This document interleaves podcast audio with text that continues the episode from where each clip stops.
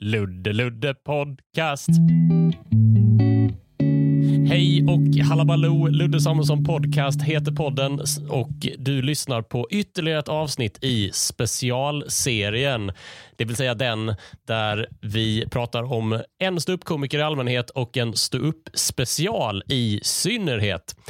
Eh, specialen vi ska avhandla i det här avsnittet blev jag tipsad om i poddens Facebookgrupp. Den heter Specialcirkeln. Där kan man gå med om man vill påverka innehållet, bevisligen. Hur som helst, specialen jag blev tipsad om det var Sarah Silvermans A Speck of Dust och den som tipsade det var du, Isak Berg. Hallå! Ja, hej hej. Hej! Isak, förutom eh, tipsare så är ju du ståuppkomiker. Ja, Eh, och du är dessutom poddens gäst. Ja. Ja. det det. Vem är du mer? Va, va, Eh, vad antar du mer för titlar än ovan givna? Oj, oj, oj. Ja, det är inte så mycket nu. Man har inga titlar längre. Eller jag har inte det. Nej, just det. Så här i eh, Ja, det som jag kallar för eh, inga ståupp-gig-tider. ja precis. Jag, men jag har ju börjat jobba på heltid. Liksom. Nu. Ja, just det. Eh, du, du har ett nattjobb, eller hur? Ja, delvis nattjobb ibland. Eh, Okej, så att nu vad... har jag jobbat eh, två nätter i sträck. Så jag är lite trött. Men eh, det är Vad jobbar du med på vanligt. natten? eh, personlig assistans. Är det. Ja, ja, ja. Okej. Mm. Men jag, jag tänkte för det, det är ju tråkigt med coronan och så, men jag har hittat ett sätt och det är att jag tänker på det som att det här är eh, lumpen. Okej. För att det är liksom så här, ja men för att vi förlorar ju ett år. Liksom, det är det som det här är. Mm. Att det är ett år som vi förlorat och så hade ju alla det förr i tiden. ja. Att det var något år som bara, nej, nu får du göra så här istället. Eh, och så tänker jag att det är det jag gör nu. Eh, så går det lite lättare. Mm. Eh, sen så, nu, så, är det folk som dör på riktigt. Det gjorde ju ingen i lumpen. Men Nej, just det. Var det Då, skillnaden är att i lumpen så leker man krig och nu så nu leker vi inte pandemi utan nu är det, nu är det det på riktigt. ja. Mm. ja men det låter som ett, eh, det låter, det är, är det ett optimistiskt synsätt tror du? Med ett år? Eh, jag tror att det är någonstans mitt emellan. Ja, Optimism och pessimism. Eh, eller jag tror att man får ställa in sig på det i alla fall. just Eller det. jag har gjort det. Jag, jag tänker så här, bara, man ska inte hålla på och försöka göra det bästa av situationen för då blir man, det känns det alltid ledsnare. liksom. Så jag Ja. är bara inställd på att nej, det här är ett jättetråkigt år och så bara kör vi igenom det för att eh, Just det. ja, men jag orkar inte bli arg och grinig. Ja. För att det är jag ju som det är. Ja. Liksom. det är svårt att se. Man behöver inte göra, man behöver inte sminka en gris. Det är inte så jävla kul Nej. att tälta med eh, 20 killar från Skövde och börja varje dag med en armhävning i ett år i Boden. Nej. Liksom. Det bara det. Ja. Men okej, men det är okej att jag säger, jag kommer ju säga Isak eller är det liksom Berg nu man ska Nej. säga? Det, är, det brukar ju vara i Ja, lumpen det, att det är lumpen. efternamn man I använder. lumpen. Ja. Ja. Ja. men det går bra. Det kör vi på. Ja, men fan vad roligt det här ska bli. Eh, jag, jag, jag, Jo, jo, nej, jag- men, ja. ja. Ja, men jag Eh, är glad att du gör den här podden.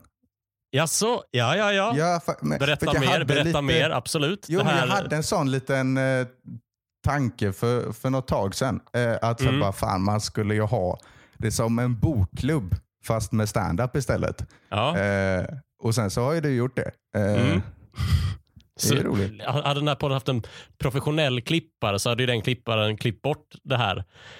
Mm. Eh, men, eh, men nu råkar ju den klipparen vara jag. Okej, men förutom stuppare och eh, allt annat som vi har nämnt så var det ju faktiskt du som som, som tipsade eller som föreslog att vi skulle kolla på eh, Sarah Silvermans eh, A Speck of Dust. Mm. Ja, men det är en av mina favoriter. Det är så? Eh. Ja. Ja. Och jag såg om den. Jag har sett om den två gånger Mm. nu och den var ju roligare än jag minns den. Eller bättre, eh, ja. tycker jag. När var det första gången du såg den? Ja, men det var nog ganska nyligen när den kom. Eller så här, kanske. Ja, för den kom ju 2017. Kommer den. Ja, Eh, och Det är Netflix eh, vi pratar om, så alla som har Netflix har ju möjlighet att eh, titta på det här. Men innan vi börjar då att eh, eh, liksom eh, lägga lupparna över eh, A Speck of Dust, eh, den här eh, den här specialen då, så tänkte vi kan ju börja med att teckna en liten bild av, av, av komikern och yrkespersonen Sarah Silverman. Hon är vid det här, hon är nästan 50 har jag förstått enligt eh, Wikipedia. Hon har varit med ett tag. Yeah. Eh, eh det, Sarah Silverman är ett sånt där komikernamn som jag som man hör, hör, hört ganska ofta i komikerbranschen. Liksom. Eh, hon har liksom den här tjänst tjänstgöringsauran, att hon har liksom varit med och, Ja. och, eh, och jobba. Alltså även när innan, före liksom Netflix och före eh, man började kolla liksom på stand-up specialer så, här, så visste Ja, men det var i alla fall något, när jag, när jag liksom kom in i komikerbranschen så var Sarah Silverman ett namn som alltid, exakt, man som, som alltid kom fram lite då och då. Ja, precis. Man har alltid hört det. Sen så har jag ganska dålig koll på exakt vad hon har gjort. Men det kan också bero på att hon har gjort lite, ganska mycket sketcher och sånt där. Och jag tycker Mm. att sketcher är jättetråkigt eh, som format. Ja. Det är jättesällan det finns en bra sketch. Så att jag liksom, men, Hur menar du då? eh, då? Vad är, varför är det så dåligt med sketch? Jag vet inte, men det är något med det som bara, men det här är ju roligt. Alltså, jag tänker alltid att idén är alltid roligare än genomförandet. Mm. Jag tycker alltså det är kul att komma på en sketch, men sen så när man, alltså, jag vet inte. Det, Det är alltid roligare för den som kommer på det. Mm. ja, det tror jag. Ja. Är det inte så här med sketcher då? Att eh, många sketcher eh, tappar i timing Mm. och i, eh, i rolighet för att det är så relativt krångligt att eh, göra verklighet av idén. Ja, precis. Ja, och jag tycker också att det är ser, så, när man ser en sketch, liksom, säg att det är, nu bara tar vi så här något eh, eh, liksom Leif och Billy-aktigt, eh, säger jag utan att ha sett en sekund av Leif och Billy naturligtvis. Eh, men att det är så här, någon eh, är på någon krog, blir full, ska springa in och, och spy. Och så man ser bara att någon springer in. Man ser liksom ett toabås eh, utifrån. Så ser man bara någon från sidan bara springer in och så hör man så här, kräkljudet. Och sen visar det sig då att det satt ju redan någon på toaletten eh, där Ja. inne. Liksom. Och då, Visst, det, det är ju en eh, dra undan mattan eh, sketch och framförallt så är den inte så rolig och jag är säker på att Leif och Billy har mycket högre verkshöjd än det jag precis eh, beskrev här. Men just i det fallet för en sån enkel, ett sånt enkelt skratt som det ändå kan bli så är det så här, men man ser ju men du måste ju hyra in en kameraman och Ja, exakt. skådespelare och rekvisita och någon har lagt ljud på. och Det, det är liksom det är så mycket väsen till, för liksom. ingenting. Liksom. Ja, men det är kul att du säger det, för jag, jag har eh, tänkt på exakt samma sak. Liksom att det blir, alltså humor förlorar så mycket på när man ser att det har krånglats. Mm. Det, är liksom, det är samma sak med skämtteckningar. Alltså det finns ju ingenting tråkigare än en skämtteckning där någon har ritat, där man ser att någon har liksom verkligen lagt tid på detaljerna. Ja, ja, just det. För då är det liksom ett, ett vanligt skämt och sen så ser man att någon har liksom lagt Mm. en hel dag på att få ut den här enkla one-linen. Ja, just det. Eh, Och det är det man gillar med liksom, stå upp. Att det är ju liksom, då ser man ju att det är väldigt anspråkslöst. Och Ja. alltså, om det inte är världens roligaste så ser man ju, ja ja, men det är bara någon som pratar. Och, och då känns det mycket softare Mm. Ja, när det är mer avskalat. mm. Det är intressant. Det finns liksom en timing i en, en teckning i den där bilden. Liksom. Att man, om man Mm. Ja, man ska att, se att den går fort att rita. Ja, precis. Man vill gärna se den i liksom så här. Nu gjorde jag något ljud. Exakt. Men så vill jag att en, en teckning ska låta. Men okej. Och en sketch. ja. Eh, och, men Sarah Silverman då, som då gjorde, både medverkade i och skrev eh, sketcher till eh, Saturday Night Live. Eh, började hon eh, med eh, i början av 90-talet och dök också upp i liksom, eh, något avsnitt av Seinfeld. Eh, och, eh, ja, men de flesta känner nog henne som ståuppkomiker och tv-komiker. Eh, vissa känner ju henne som eh, Jack Blacks roomies flickvän i filmen School of Rock. Är det hon? Ja, det var så Mm. länge sedan jag såg den. Ja, äh, det, jag blev lite glad. Jag fick anledning att tänka på School of Rock eh, igen. Ja, Men där är det Sarah Silverman som, som eh, försöker få sin, sin eh, konflikträdde pojkvän att få Jack Black att betala hyran och Jack Black svarar typ så här, jag Eh, men jag, jag, jag, alltså när jag slår igenom som rockstjärna, då, då kommer du få se på hyra. Eh, säger Jack Black eh, och, och somnar om. Eh, är ungefär det som händer. Eh, det är Har, du, har du sett om hela School of Rock bara för att ta upp det i den här podden? Eh, Ja, nej, det var, det var bara um, Det är ur minnet. ja, fritt, fritt ur minnet. Och, eh, och, och, som, som jag minns det från när jag tittade på det på YouTube för ungefär 20 minuter sedan.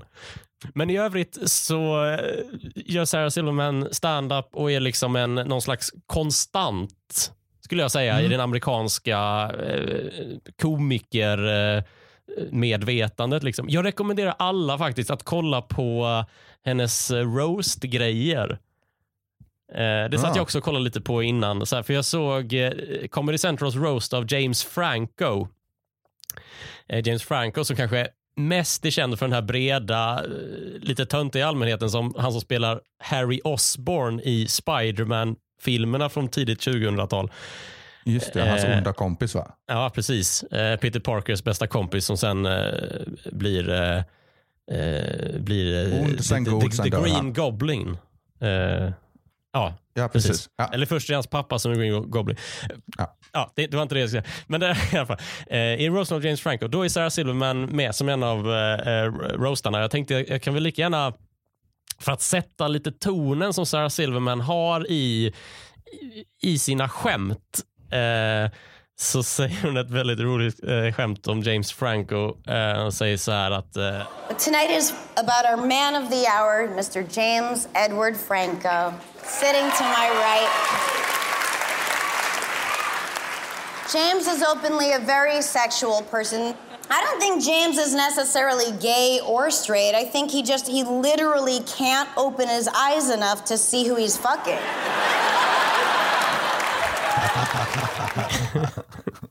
Ja. ja, men det är också väldigt mycket, alltså det är väldigt koncist och det är liksom inga ord som inte behövs.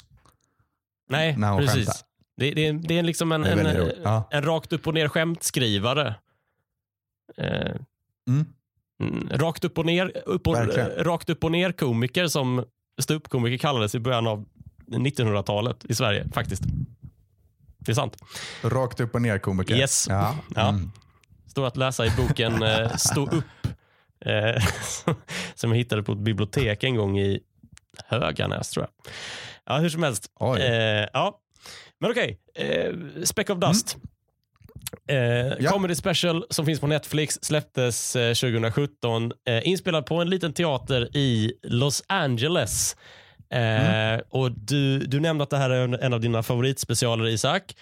Mm. Och eh, Du har sett den ett antal gånger och nu har du sett den igen. Vad, eh, vad, vad kände du nu när du såg den?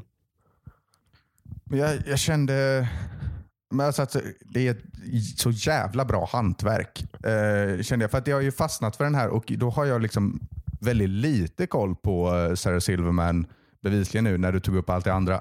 Eh, jag har mest sett den här specialen och fastnat väldigt mycket och Ja. tyckte att hon var grym. Liksom. Eh, men skulle, så här, ja, men jag, men jag fastnar liksom, också estetiken är härlig. Det är också en väldigt enkel och avskalad special. Mm. Eh, för det pratade jag med Petrina om han Sam Morrills special. Mm. Eh, liksom att det är väldigt plain, det är inte så mycket krångel och tjafs. Eh, och då kommer skämten fram eh, bättre tycker jag. Eh, Mm. Lite samma som där vi pratade om sketcher och sånt. Mm. Och sen så... Jag tänkte också, det jag tycker är, är coolt med henne är att hon, eller hon har ju micken i stativ. Ja, just det. Det är ju någonting som, ehm, som ja, jag tror nog vi Ja. som stuppare reagerar nog väldigt mycket Ja. på det. Det... Så det andra kanske inte nej, bryr sig så mycket. Men, nej. Ja, men för jag tänkte på det, jag lyssnade på det med den podden du spelade in med Bettner. När Ja. han pratade om så här komiker som bor på scenen. Mm, är, Eh, och liksom de går runt och flyttar runt och sätter sig på pallen och liksom kastar bord och håller på. mm, Eh, och det gör ju Sarah Silverman väldigt lite. Men jag tycker att så här, hon står och, liksom, och bor i sig själv lite Mm. mer. Hur tänker Hon du då? liksom- Hon, eh, Hon står och hon bara grundad, grundad i eh, sin egen person på något sätt. Så står väldigt still och bara liksom får fram det hon vill säga. Ja, precis. Det är ju inte, det är ju liksom inte en darr någon, någonsin Nej, på nej. rösten. Jag kände, jag kände mig också väldigt trygg när hon stod där och stod med båda fötterna liksom väldigt grundade i jorden. Ehm, då kände jag så här att visst, det må vara inövat men och det må vara väldigt uppenbart att det är inövat men det kändes mycket som att det är så här jag vill göra det. Att Ja, jag, jag gör exakt det som jag vill göra just nu och då tycker jag att då, då har jag inga problem med att höra att det är inövat och som vi, som både du och jag och mång, många av den här poddens lyssnare vet vid det här laget så är ju liksom i princip all stand-up inövad. Frågan är ju bara hur mycket komikern får det att låta som det. Mm. Och jag tycker att Sarah eh, utstrålar en äkthet i det hon vill göra. Att det ser Ja, verkligen ut som att hon gör exakt det hon, eh, hon vill. Mm. Eh, jag tycker jag- att den känns så, eller specialen känns så himla kompromisslös på något sätt. mm, Att det är liksom eh, det är verkligen bara från hennes perspektiv. Och det är, en- jag tänkte på det också, det är nästan ingen igenkänningshumor i den. Det nej. är, väl, eh, det är väl någon när hon pratar om typ hur tjejer onanerar. eh, ja, just det. Det är väldigt Och då få... känner inte jag igen mig, men det var ju någon form av igenkänningshumor. Men annars är den ju väldigt så kompromisslös. Bara det här är det jag har tänkt på och så säger Ja. jag det här. I all sin enkelhet. Eh, Ja, precis. Det är mycket av materialet som kräver att man tar henne på orden. Liksom. Eh, I synnerhet eh, rutinerna som handlar om hennes eh, sjukhusvistelse och eh, ja, och också, och den här, och, eh, som handlar om hennes syster och den här eh, Amber som har krokar som händer. just. Eh, vilket är jättekul eh, kul situation. Men det är helt omöjligt för publiken att avgöra om det här är, är sant eller bara en lögn för vår underhållning. Eh, Mm. Men hon är ju extremt Alltså den, här, den tanken slår mig inte alls när jag ser special utan det är bara nu i efterhand som jag tänker att fan tänk om allt det här var påhittat men när jag, men när jag tittar på den då är jag Mm. verkligen i, jag är verkligen där. För när jag tycker att den här specialen lyckas förmedla en intim och mysig känsla genom rutan.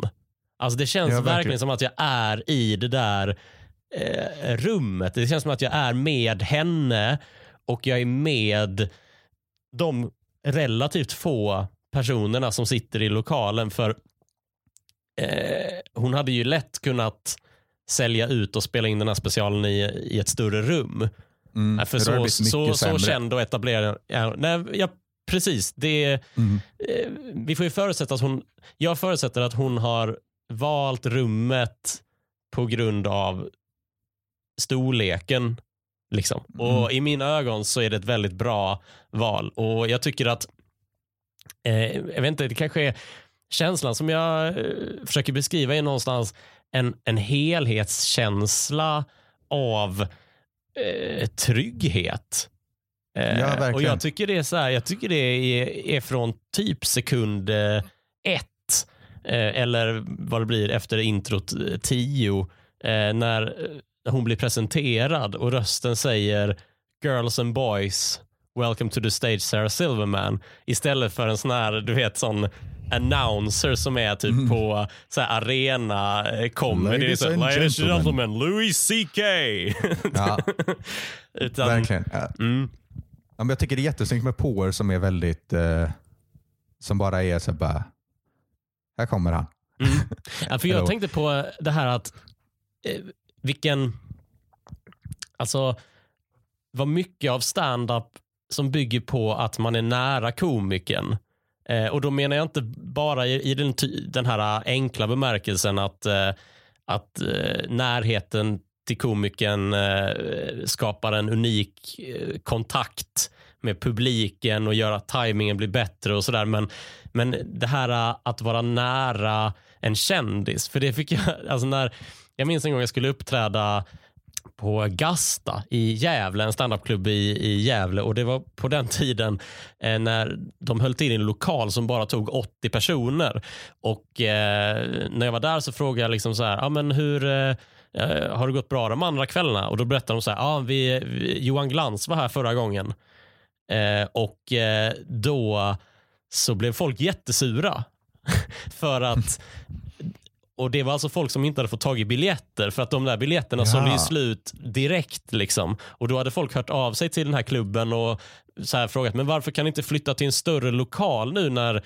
när Johan Glans ska komma och det är så många som inte får biljetter och sådär.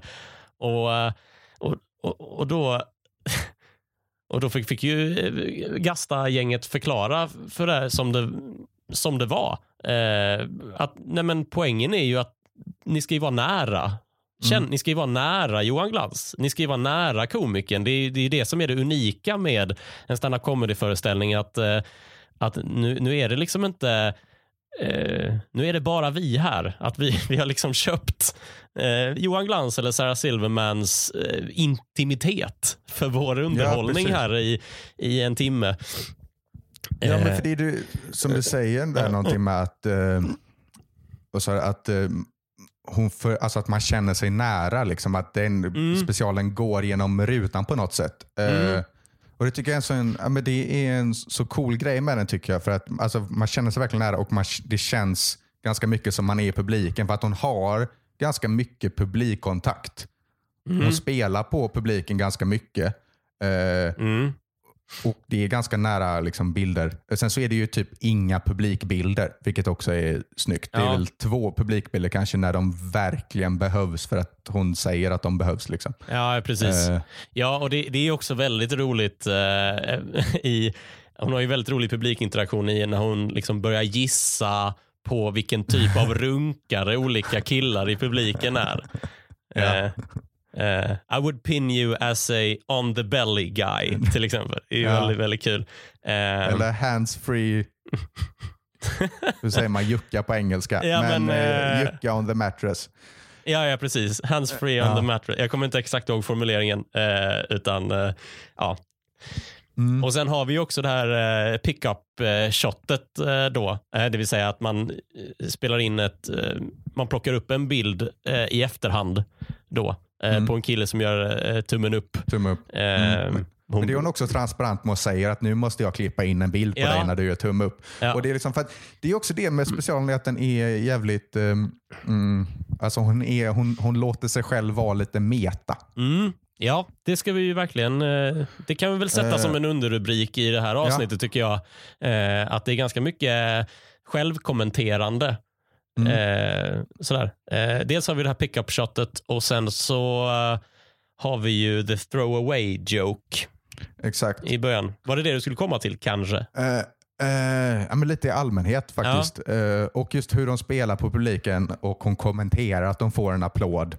Mm. Sen så tystnar den och då säger hon You don't have to undo it. Nej, Liksom. precis. Ja. för att hon har liksom publiken som ett instrument ganska mycket samtidigt Mm. som hon inte låter den ta över. Nej. För att de spelar jättemycket på publiken men det är som inte det här tjatiga publiksnacket som man ser på Big Ben eller humorbaren. eh, där det fastnar. liksom. Men det känns ju lite orättvist kanske att jämföra Sarah Ja. Silverman med eh, MC'n på Big Ben.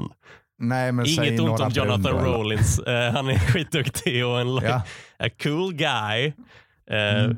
Men eh, ja. Jag tänkte vi ska gå in på det här på det liksom lite mer det analytiska. Liksom. Vi ska skruva Ja. lite på mikroskopskruvarna. Mikroskop, eh, vi ska prata favoritrutiner. Så jag slänger ut frågan direkt. Favoritrutiner? Mm. Jag har nog två. Mm. Eller säga, första är en jätterolig formulering hon har. Mm. Eh, det är ju den här, eller när hon pratar om eh, så här perspektiv eh, och att hon har liksom gjort en jättesmärtsam hårborttagning Just och det. tänker att det här var trauma. Ja. Eh, och Sen så får hon ett sms från sin supersnälla pojkvän som är liksom i Guatemala med Unicef och liksom berättar om något jättehemskt. Och sen Ja. så säger hon If you think that's bad. Och det är så roligt när hon säger eh, vad är det? I have a hard time with perspective. Ja. Like I don't gain it with experience. det är jätteroligt. Ja, ja, det är väldigt, väldigt kul. Men för, det är så kul, för dels är det en rolig formulering och eh, för, för jag minns också den. Eh, sådär. Mm. Och Jag undrar om det beror på att jag har inte riktigt fattat, men hur gör hon då? Hur Ja, ser hon exakt. Perspektiv?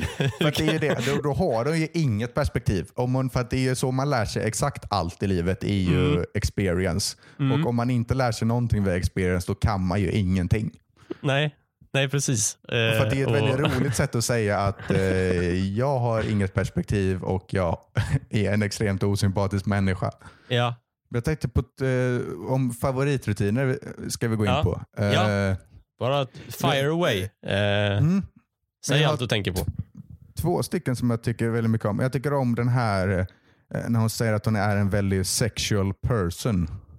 Mm. Eh, är ju liksom rubriken till det och så pratar hon om eh, eh, att hon är dålig på dirty talk. Mm. Och då tänker man här, ah, men det har man ju hört hundra gånger i standup. Mm. Eh, Mm. ah, det är svårt med dirty talk. Men hon säger att what I do is way crazier. Liksom att hon sätter igång och pratar crazy efter sex. Mm. Mm. Det tycker jag är en rolig premiss. ja. Och då säger han, om, vad tror du händer om jag går till polisstationen och gör en rape exam? tror du att de kommer hitta din sperma i min kropp och på min, och på min kropp? Vad tror du skulle hända? Jag tycker ja. det är liksom en sån som jag blev eh, inte avundsjuk på, för jag hade inte kunnat köra. Men om jag hade varit kvinna hade jag varit extremt avundsjuk på den ja, ja. rutinen. ja, just det. Eh, en sån där Eh. rutin som man, eh, idé som man själv önskar att man hade, Hade kunnat komma på. på. Det är ofta ett väldigt bra betyg. Mm. Eh, som och det, det betyget blir väl bättre kanske med eh, hur erfaren komiker man är. Jag tänker mig att Sarah Silverman skiter väl blankt i om du eller jag är avundsjuka på hennes Nej. eh, material. Men eh, det, det är inte det jag menar. Men det är, jag tycker att det där, den typen av rutin tycker jag är ett sånt jävla bra exempel på, på min känsla för Sarah Silverman och det hör ihop med att hon har micken i stativet och det hör ihop med hennes eh, eh, biografi som vi lite löst eh, tecknade här innan att hon är så klassisk komiker liksom. Eh, för att hennes formuler, hennes skämtformler följer liksom en nästan så här grundkurs i stand-up formel. För att det är ju mycket setup punch. Det är, väldigt, det är korta skämt och det är, det är korta skämt. Det kan vara långa rutiner men det är ofta korta skä, form, skämten är ofta så här koncisa, koncentrerade i liksom koncisa setup punch format. Och det där med till exempel eh, jag, I talk dirty eh, eller I talk crazy after sex. Ja. Eh, upplägget till det är ju verkligen så här, okej, jag ska säga någonting konstigt i en, eh, en intim sexuell situation. Alltså upp, själva formen är jätteenkel så, och, och den kan du höra från liksom någon som har gått en standup-kurs och gör sitt första gig på Big Ben. Men skillnaden är liksom att Sarah Silverman har eh, slipat i den där formen. Mm. Eh, att hon liksom är en mästarinna i, i det där skämtformatet. För att hon kan göra vad hon vill med den med den formen. Liksom. Ja, men precis. Ja. Med, med sätta punch-formen. Ja, precis. För det är det jag tänker också, vill komma in på lite grann, att jag tycker att det är så himla bra premiss. Eller så här, mina favoritpremisser Ja. är ofta de där man skrattar så fort man har fått premissen förklarad för sig. Mm, precis. Liksom att det, är då man, det är då man vet att man har en bra premiss om publiken skrattar så fort man har förklarat premissen. Mm. Då vet man att man kan ta den exakt vart man vill därifrån. Att liksom premissen blir som en mindmap Ja. eh, som allt utgår från. Sen ska man bara dra det liksom åt eh, vilket håll man vill. Eh, liksom så här, Louis CK är också jättebra på det. Eh, och det tycker jag att så här, de rutinerna som jag tycker är bäst som jag har skrivit funkar så. Så det tycker jag är väldigt snyggt. Um, Mm. jag tycker att hon fan, eftersom det är en rolig premiss, att, nästan lite sur på att hon inte har fler exempel i den. Mm, just det. Men där är hon är ju inte riktigt en sån här eh, vad heter det, mjölkarkomiker. Nej, det Eh, och det tycker jag har ju- också faller in under det här, eh, det här klassiska, den här klassiska skämtberättaren. Eh, som är så här, man säger sitt skämt och sen är man klar. Hon är liksom alltid klar när, när skämtet är etablerat. Hon är verkligen inte någon som, som går in och gör flera bilder under varje... Eh, säg att hon, hon skriver liksom en rubrik och sen så gör, drar hon ett streck under den rubriken och sen så går hon vidare. Medan en annan, eh, kanske lite mer eh, associativ Som du och komiker. jag. Ja. Jag, nej, jag tänkte säga Louis CK för, för att vara lite Ja. rimlig i min jämförelse. Eh, han skulle ju liksom mejsla i den där har tre Nej. exempel. liksom. Jag har tre exempel. Han skulle, liksom, han skulle använda det som en paraplypremiss och sen så bara skjuta ut olika exempel och bolla ämnet lite mer tror jag. Men eh, jag tror också det beror på att eh, Louis CK formar ju mer sina premisser av Alltså hans bensin i premisserna är ju mer känslor. Och det kanske det är hos Sarah Silverman också. Men, men det är inte så hon framställer dem.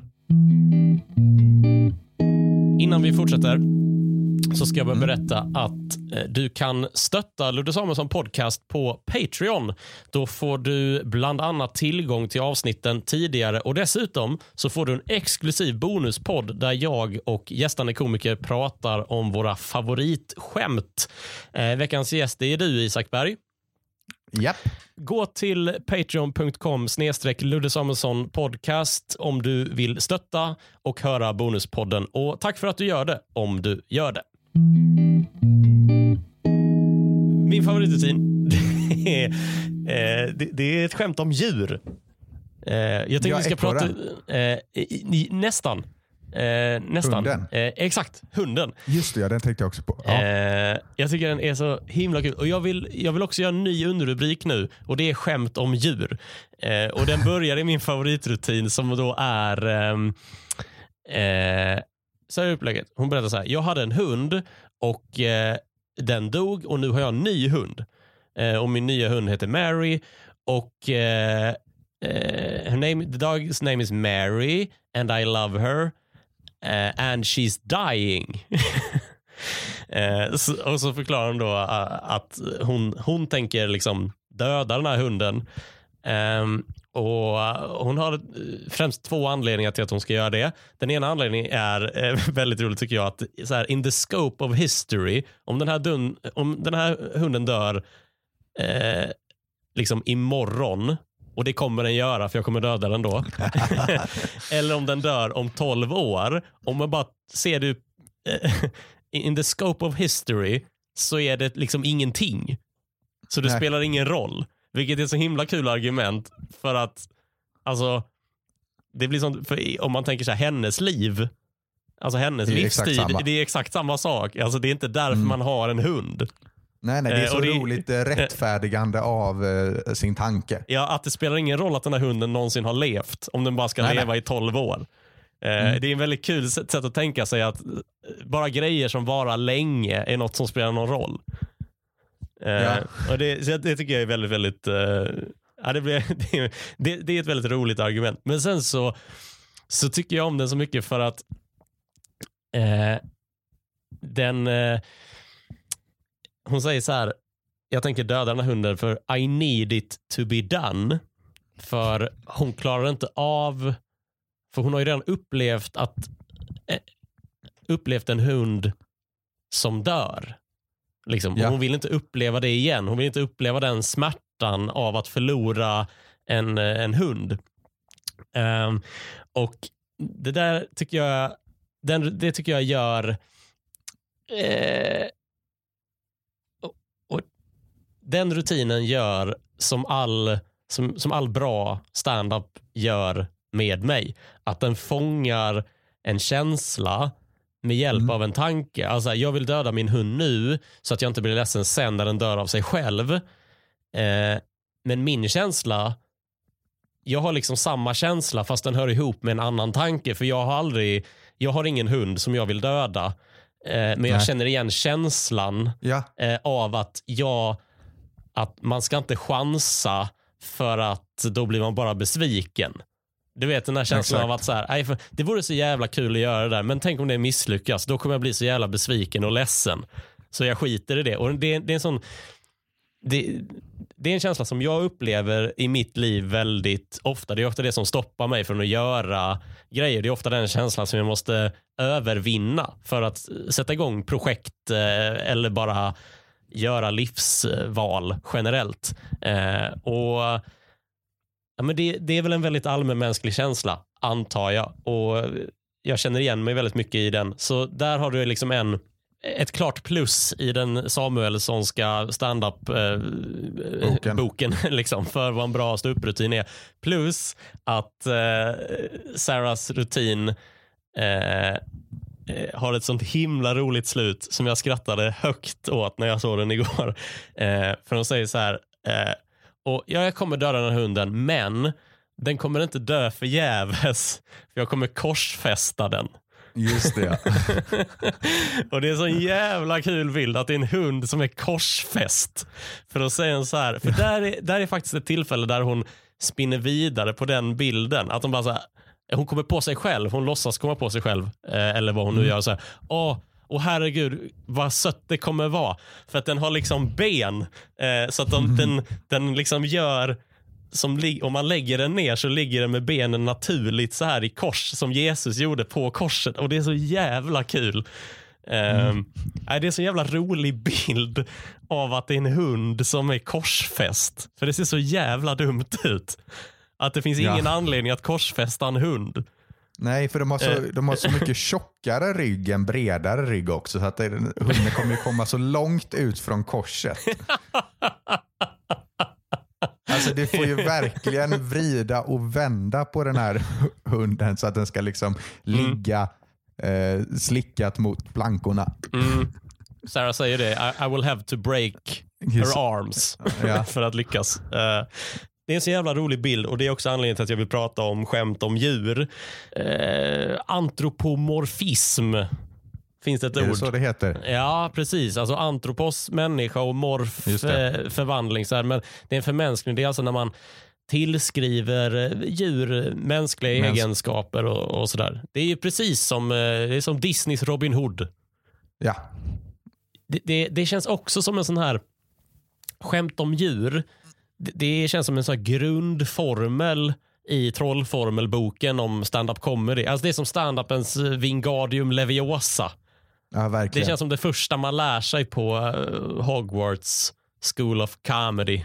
Ja, men det är också verkligen så att eh, så här, dåliga nybörjarkomiker har skämt om djur och etablerade proffskomiker har skämt om djur. Alltså att det är något som följer med alla Mm. ståuppare känns det som. Genom hela, det är liksom inget ämne som blir hack efter några år man har hållit på.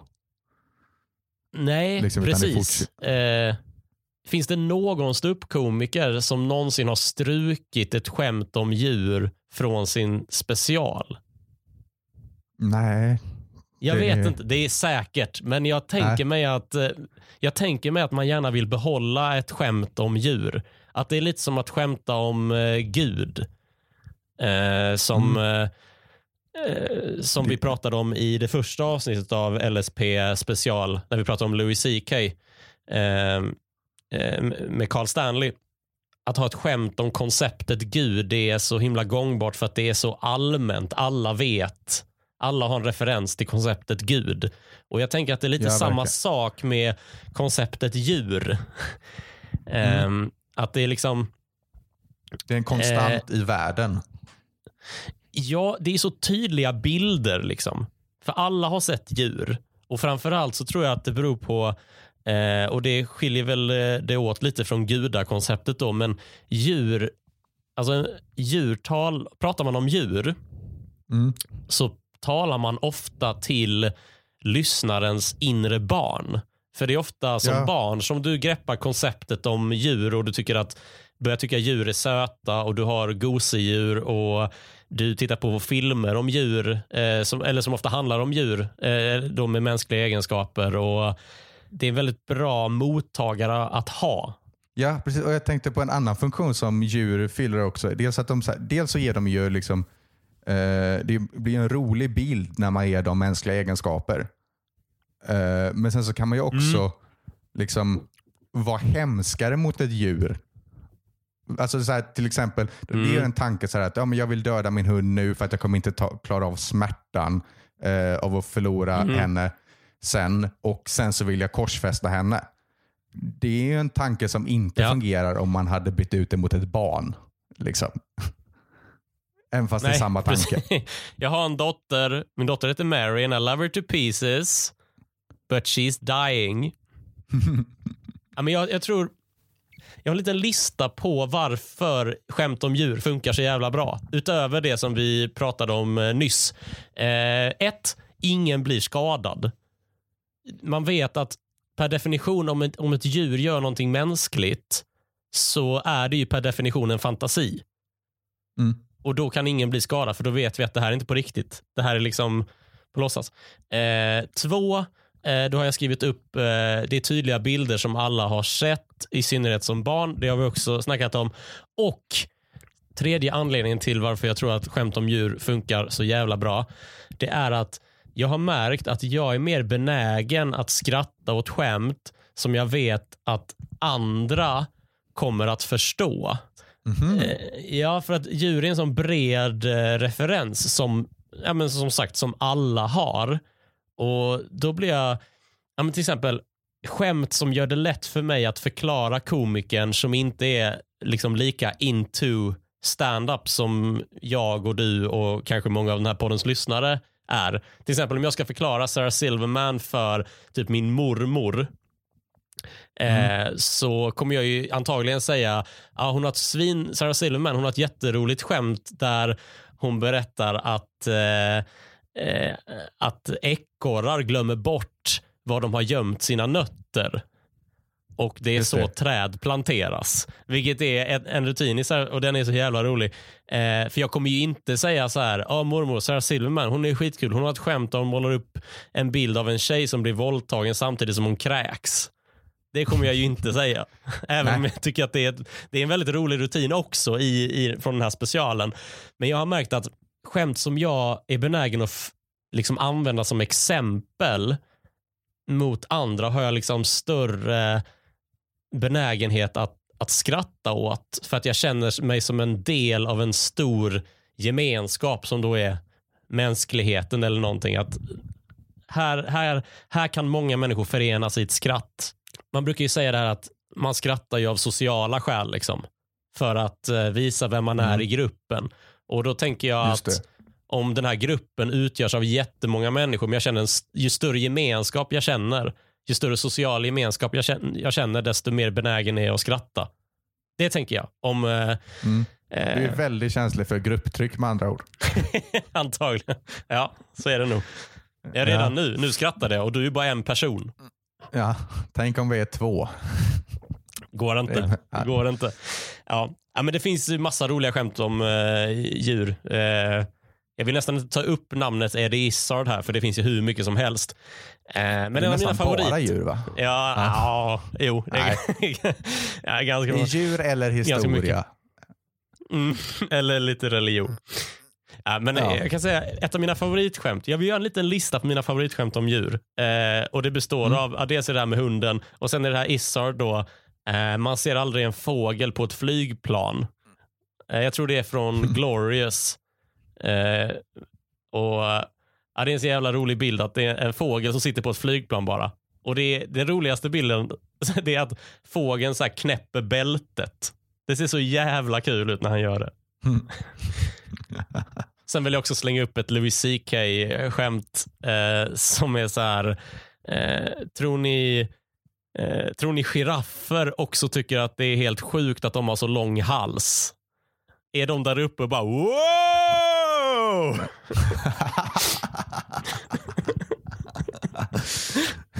Är det Ja. från den senaste? Jag, jag minns faktiskt inte. Eh, någon lyssnare kanske minns. Då, då kan man höra av sig i, i Facebookgruppen Specialcirkeln.